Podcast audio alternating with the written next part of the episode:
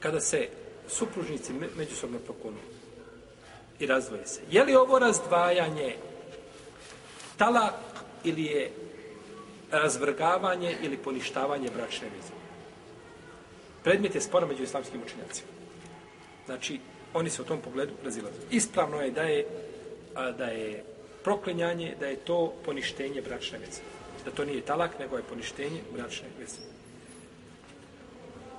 I to je stavi mama Malika i Šafije i Ahmeda ibn Hazma, znači većine islamskih učenjaka.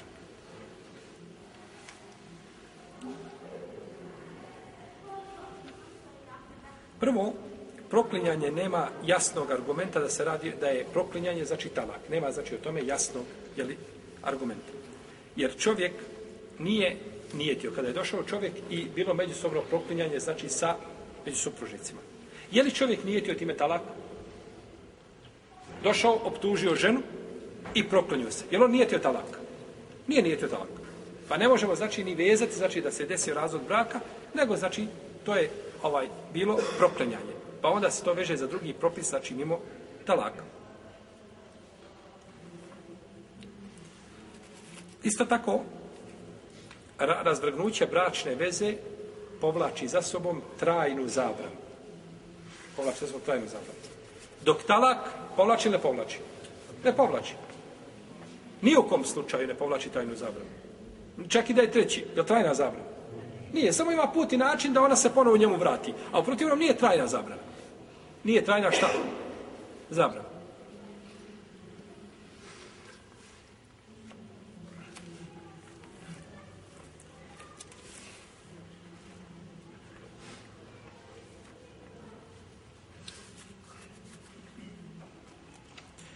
Kada bi proklinjanje bilo talak, onda bi se desio talak pukim izgovorom ili prizivanjem Allahovog prokletstva od strane supruga. Jer suprug je taj koji išta daje, da ono ima. Ima li žena kakva je s talakom? Ona sjedi i čeka. Hoće biti talak, hoće biti pozitivno ili negativno. Ona nema ništa sa talakom. Ona je zadovoljna, nije zadovoljna, ona protiv, ona se slaže, ona se ne slaže. To je kad odeš u matični ured. Tu se ti slažeš, ne slažeš, tu jer. A po širijetskim mjerilima žena nema ništa talaka. U smislu, ona ne može, znači, muž da talak. Može tražiti talak od kad je, da je on razvede i o tome, ali samu sebe ne može razvesti. Niti može utjecati njena odluka i njena presuda i njeno mišljenje, znači, na odluku njenog supruga. Pa kada bi bilo, znači, kada bi to bilo, znači, ovaj, e, e, e, kada bi bilo potrebno da, ovaj,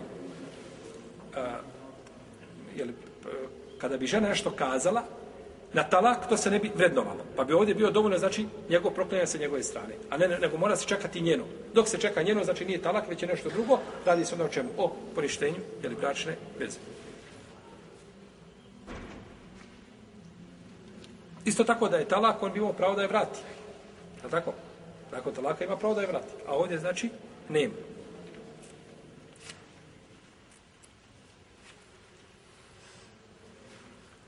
Talak je u ruci čovjeka.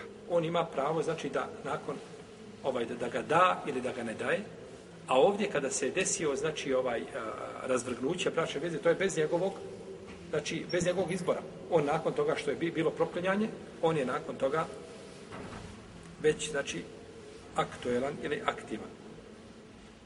li aktuelno je poništenje braše veze.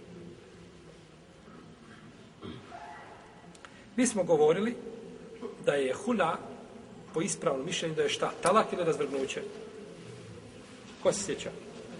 Razvrgnuće bračne veze. Da je hula razvrgnuće bračne veze.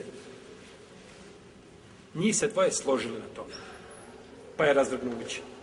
Pa što mislite da kad se ne složi? Je se složilo u ovome slučaju? Nisu belaj među njima i problemi. Pa je to preče da bude razvrgnuće nego talak. Jel u redu? A mi smo govorili prije smo govorili, znači, kakva je razlika između razvrgnuća i talaka i, jeli, zašto se vežu jedni, a zašto se vežu drugi propisi.